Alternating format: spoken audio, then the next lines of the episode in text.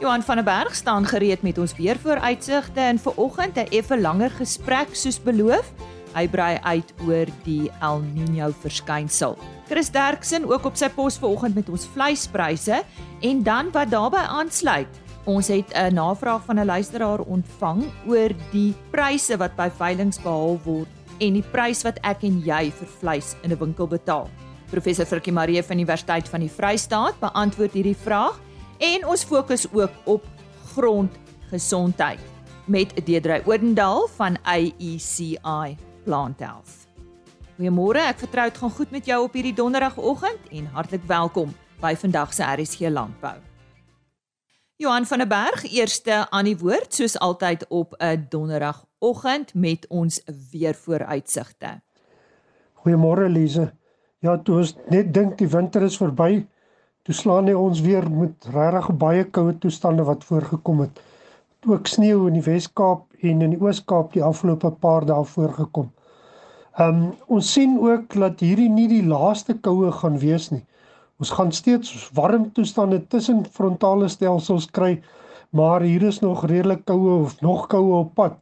Uh dit lyk of die volgende stelsel hier rondom 17-18 September oor die land gaan inbeweeg en dan ook in die laaste deel van September en waarskynlik ook in die eerste deel van Oktober. So hierdie is 'n groot gevaar wat ryp betref en die kanse vir koue toestande veral oor die sentrale tot suidelike gedeeltes. Uh nog nie veel reën oor die somerreënvalgebied nie. Dit lyk of toestande begin verbeter hier teen die laaste deel van September en Oktober, maar vir die winterreënvalgebied en ons sien sommer hoog teen die Weskus gedeeltes uh, is daar nog redelik reën op pad in hierdie volgende tyd. Ek wil vandag so 'n bietjie oor die langtermyn fokus en kyk na die El Niño.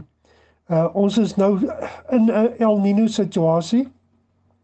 Ons uh, die see temperature uh in die Niño sogenaamde Niño gebiede en terloops van Niño 1 tot Niño 4 en dan is daar nog so tussenin 1 El Niño of Nino 3.4 uh is so tussen 1.2 en omtrent 3 grade Celsius warmer as normaal wat al 'n redelike uh, sterk matig tot sterk El Nino is en dit is baie vroeg hierdie tyd van die jaar alreeds.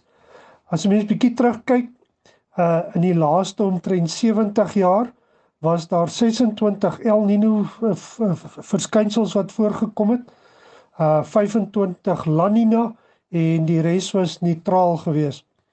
Nou as ons gaan kyk die laaste 5 sterkste El Niño verskynsels wat voorgekom het.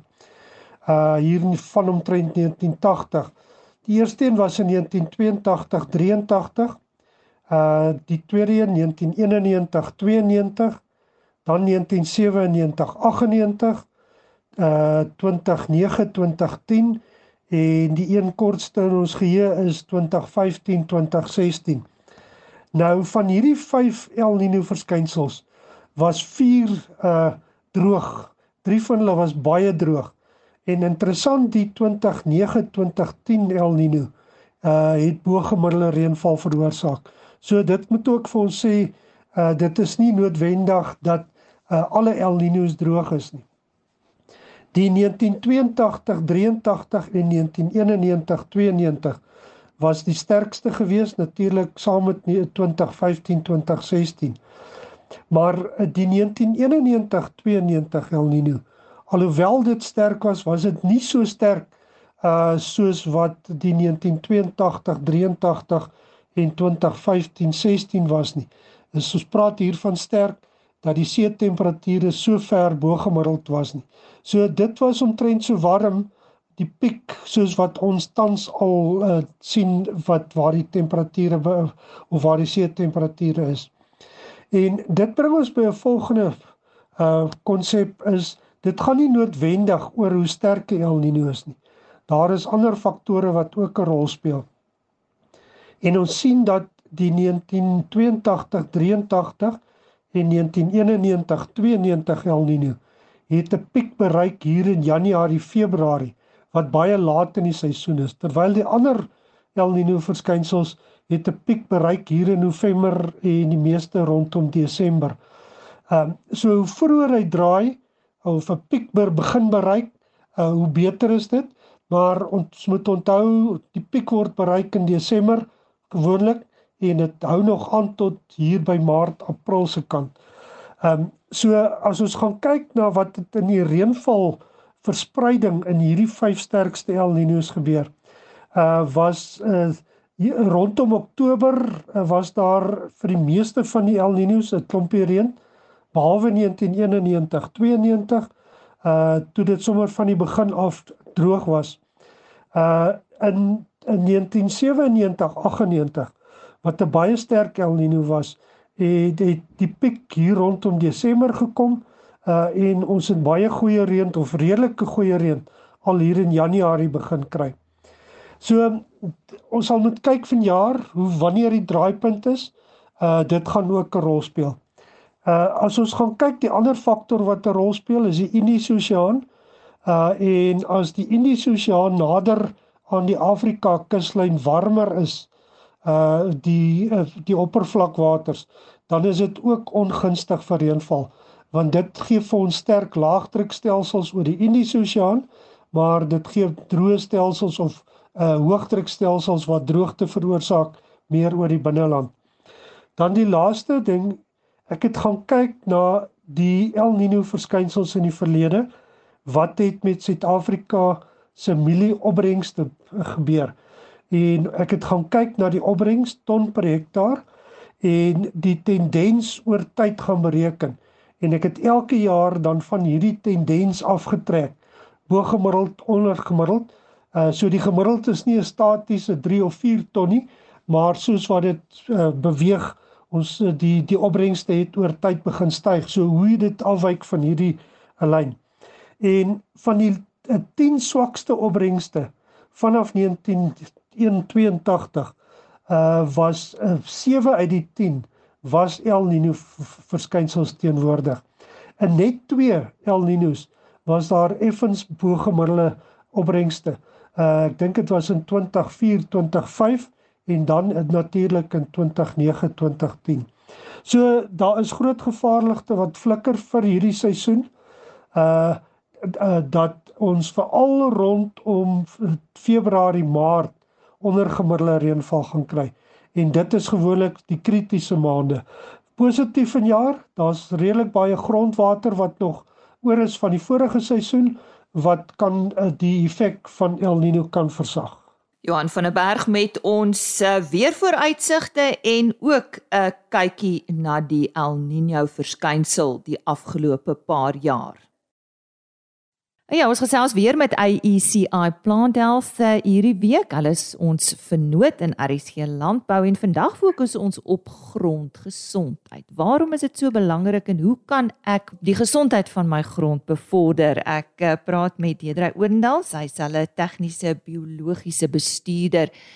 Deidre, ja, wat word bedoel met grondgesondheid? Verduidelik vir ons. Hi Lise, eerstens baie dankie vir die geleentheid. Dit is lekker om weer met jou 'n bietjie te praat.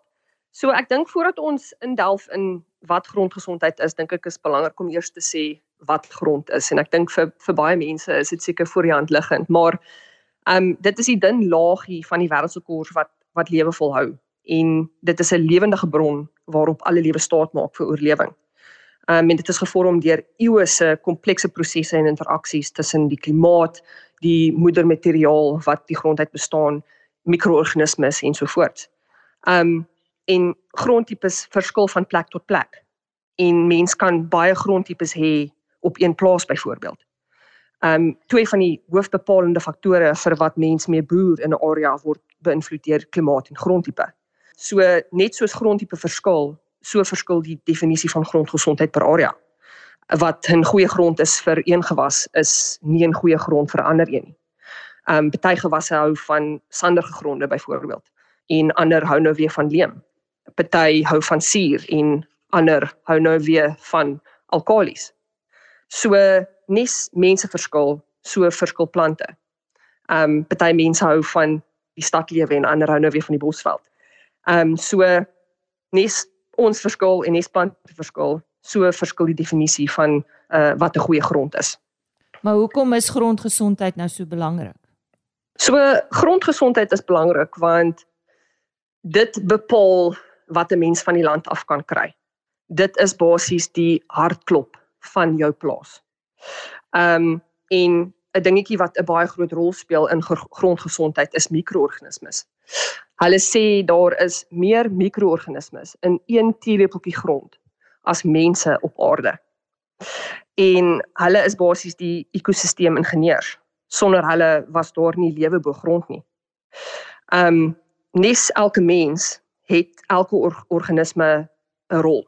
Ehm um, party is dokters en dra by tot plantvoeding en gesondheid. Party is ingenieurs en breek organiese materiaal af, maak dit beskikbaar vir die plant en bou in die grond se struktuur. Ehm um, ander is bankiers en stoor koolstof en nutriënte vir die plant se gebruik op 'n stadium wanneer hy nodig het. So 'n gesonde grond is gelyk aan 'n gesonde mikroorganisme populasie en wat gelyk is aan 'n gesonde plant en dis die uh vrugbaarheid van die grond. So die grond ehm um, beskou ek as 'n uh, plant se immuunstelsel.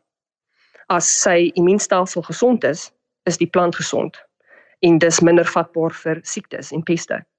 En dis spaar jy die boer ehm um, op die gebruik van van landbouchemie. Dit maak sin. So hoe bevorder ek nou my grond se gesondheid? Watse raad het jy vir ons? Ek dink ehm um, jy staan praat mense baie oor uh bewaringslandbou. En dit is maar die prinsip waarop mens waarop 'n mens moet bou. Ek dink die die fondasie van dit is om jou grond so min as moontlik te steur. Ehm um, in sekere boerderye gaan dit nou makliker wees as ander byvoorbeeld. So as jy met 'n meerjarige gewas boer, is dit makliker om die grond minder te steur as in 'n uh, 'n rygewas byvoorbeeld. Ehm um, so ek dink mense moet so ver as moontlik fokus op daai bewaringslandbou. Ehm um, een van die praktyke wat mense baie oor praat is daar's dekgewasse. Dit bedek nie net die grond en beskerm dit van hitte nie, maar ook van verspoeling. Maar wat baie belangrik is is jy moet seker wees wat jy wil bereik met die dekgewas, want dit kan ook skade doen. As jy 'n dekgewas gaan plant, kan hy jou besproeiing toegroei en dan dis het jou gewas nie toegang tot genoeg water nie. Ehm um, as jy 'n dekgewas gaan plant wat te hoog groei, kan hy jou gewas oorskadu en dan kompeteer met jou gewas. So jy moet weet wat jy wil doen met daai gewas en dis is dit baie belangrik om jou gewasadviseur te, te te nader en seker te maak dat jy met die regte strategie um met jou plaas inkom. Dan ons het staan toegang tot so baie presisie landboumetodes. So jy kan kennisgedrewe besluitnemings maak op jou plaas. Um jy kan moniteer hoeveel water jy nodig het. Jy hoef nie te veel water te gee nie, want daai ding sê vir jou presies hoeveel water jy moet gee in daai boord. Daar is siektemodelle daar is so baie apps daar buite wat vir jou 'n siekmodel uitskop en dit kan help om te bepaal wanneer 'n mens moet spuit. Um vir siektes en vir peste. So mense hoef nie meer 'n vaste spuitprogram te spuit nie en dis kan jy nie net spaar op landbouchemie nie, maar dit verminder ook die risiko van residue op jou oes. En dan 'n baie belangrike ding is die gebruik van geïntegreerde pes en en plaagbestuur um maak gebruik van volhoubare produkte daar buite. Daar is ongelooflik baie met die druk van ons deesdae op um om meer volhoubaar te boer. Nou jy het vinnig net nou verwys na mikroorganismes. Brei bietjie hierop uit watter een mikroorganisme kan ek in my grond inkorporeer? So daar's ongelooflik baie mikroorganismes soos wat ek net nou oorgesels het, maar die een wat wat reg vir my uitstaan en dis een wat ons as 'n maatskappy op produseer. Um is 'n mycorrhiza. Dit is omtrent 'n mond vol. En wat wat hierdie dingetjie so spesiaal maak, eerstens is ons is die enigste maatskappy in Suid-Afrika wat hierdie um mikroorganisme versprei en wat geregistreer is. En hierdie uh, dis dis 'n voordelige swammetjie en hy vorm 'n simbiotiese verhouding met 90% van plante wat op die aarde groei en wat wat hy doen is is hy groei basies teen die plant se wortel vas en raak deel van daai wortel en sodoende um, vergroot hy die plant se wortelstelsel en die plant het dus meer toegang tot nutriënte en en water in sy omgewing. Um, hy stoor ook nutriënte in daai plant se wortel in struktuurtjies en wanneer die plant dit dan die nodigste het en dit nie uit die grond uit kan kry nie, dan stel hy daai nutriënte vry vir die plant. Ehm um, nog 'n ding wat hy doen is, is hy produseer 'n uh, 'n baie komplekse uh, proteïen met die naam glomalien wat basies 'n gommetjie is. So as jy 'n plant uit die grond uittrek, dan klou daai grond vas aan daai wortel. So ehm um, nie net het die plant soos ek sê meer toegang tot wat in daai grond is om hom nie, maar dit word ook beskerm teen verspoeling. So en en hy bou ook die koolstof op in die grond. Ja, dit was dan meer oor grondgesondheid en waarom grondgesondheid so belangrik is. Ek het gesels met uh, Deidre Odendaal, sy is tegniese biologiese bestuurder by AECI Plant Health. En uh, indien jy belangstel om met hulle te gesels juis oor hierdie onderwerp of dalk enige ander onderwerp van belang, besoek hulle webtuiste www.aeci.ph.com aeci.planthealth.com Dis nou tyd vir ons vleispryse. Ongelukkig het eh, Chris Derksen my laat weet dat hy nie vir ons hierdie verslag kan stuur nie, maar ek gee met plesier vandag self die pryse deur. Hierdie is eh, pryse per kilogram vir lewende hawe tydens veilinge in die Noord-Vrystaat. Pryse is onder druk en die veldbrande verhoog toestroming van vee en die verhoging in brandstofpryse en dieselpryse sal ook aanvraag verminder. Maar kom ek gee die spesifieke pryse deur. Speenkalf onder 200 kg R35.07 tot en met 250 kg R33.10. Meer as 250 kg R32. En uh, ek herhaal net weer 'n belangrike feit wat Chris ook altyd noem en dit is dat hierdie lewendige gewig is. Klas A R28.30, klas B was daar geen vetkoeie R23.80, maarkoeie R19.60, slagbulle R26.45. Vanaf die skaapmark stoorlammers R35.80, slaglammers R38.70, stoorskape R34.10 en vetskape R33.05. Vanaf die bokmark en hierdie is net geskatte pryse, R52.50 vir lammers en R38 vir ooe. Vir meer inligting www.vleisprys.co.za. Soos ek genoem het, het ek 'n navraag van 'n luisteraar ontvang. Die luisteraar is daar van die Clarence omgewing in die Vrystaat. Hy sê: "Ek kan nie begryp hoe dit moontlik is dat lamppryse op veilinge hier rondom die R40 dobber, maar dat ek R154 'n kilogram moet betaal by 'n winkel. Hoe gebeur dit dat die prys met meer as R100 per kilogram styg tussen die hoef en die bord?" Ons het vir professor Frikkie Marie, hy is hoof van die departement landbou-ekonomie by Universiteit van die Vrystaat gevra om hierdie vraag te beantwoord.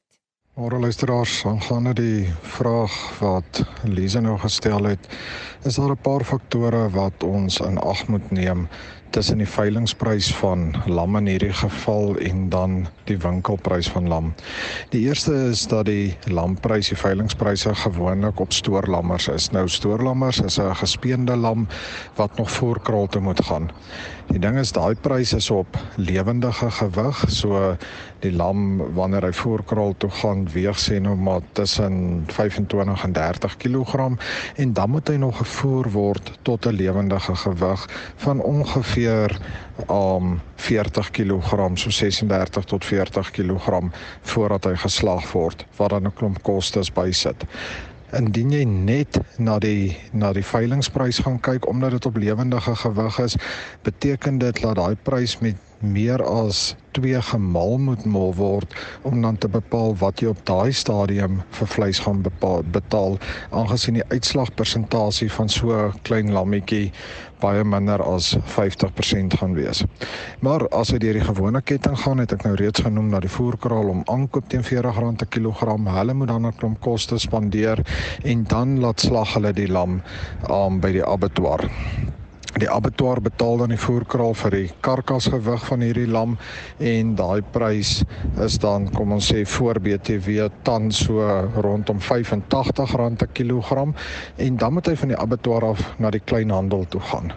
Nou as jy net 15% BTW op die R85 van die abattoir prys gaan sit, dan het jy klare redelike invloed op prys. Verder is daar egter ander kostes in die ketting um wat wat aangegaan moet word soos die vervoerkoste van die lammers, um die koue ketting moet gehandhaaf word, yskaste en vrieskaste in die wind, winkel en elke um skakel in hierdie ketting moet dan ook probeer om 'n marge te maak. So die prysverskil tussen 'n uh, klein lammetjie, 'n stoorlam wat nog gevoer moet word en dan dit wat jy in die winkel bepaal, betaal is baie realisties. Um daar's nie regtig snaakse goed in die ketting wat aan die gang is nie. Dit is maar net 'n klomp kostes deur die ketting wat opbou en dan moet, moet ons onthou van BTW wat op die ou end 'n baie groot invloed op die finale prys van die produk speel. Dankie ook aan professor Frikkie Maree van Universiteit van die Vrystaat wat vir ons daardie vraag oor vleispryse beantwoord het. Nou op daardie noot, indien jy graag uh, 'n uh, vraag het wat jy wil hê ons moet beantwoord, stuur gerus 'n e-pos aan rsglandbou@plaasmedia.co.za. Volgende week in RSG Landbou gesels ek weer met twee van die jong boere. Eerstens Dian Landman wat aangewys is as die Agri Oos-Kaap jongboer van die jaar. Hy is 'n melkprodusent daarvan die Tsitsikamma omgewing en uh, ook met Jaco Pieterse. Hy's van Richmond in die Noord-Kaap aangewys as Agri Noord-Kaap se jongboer van die jaar.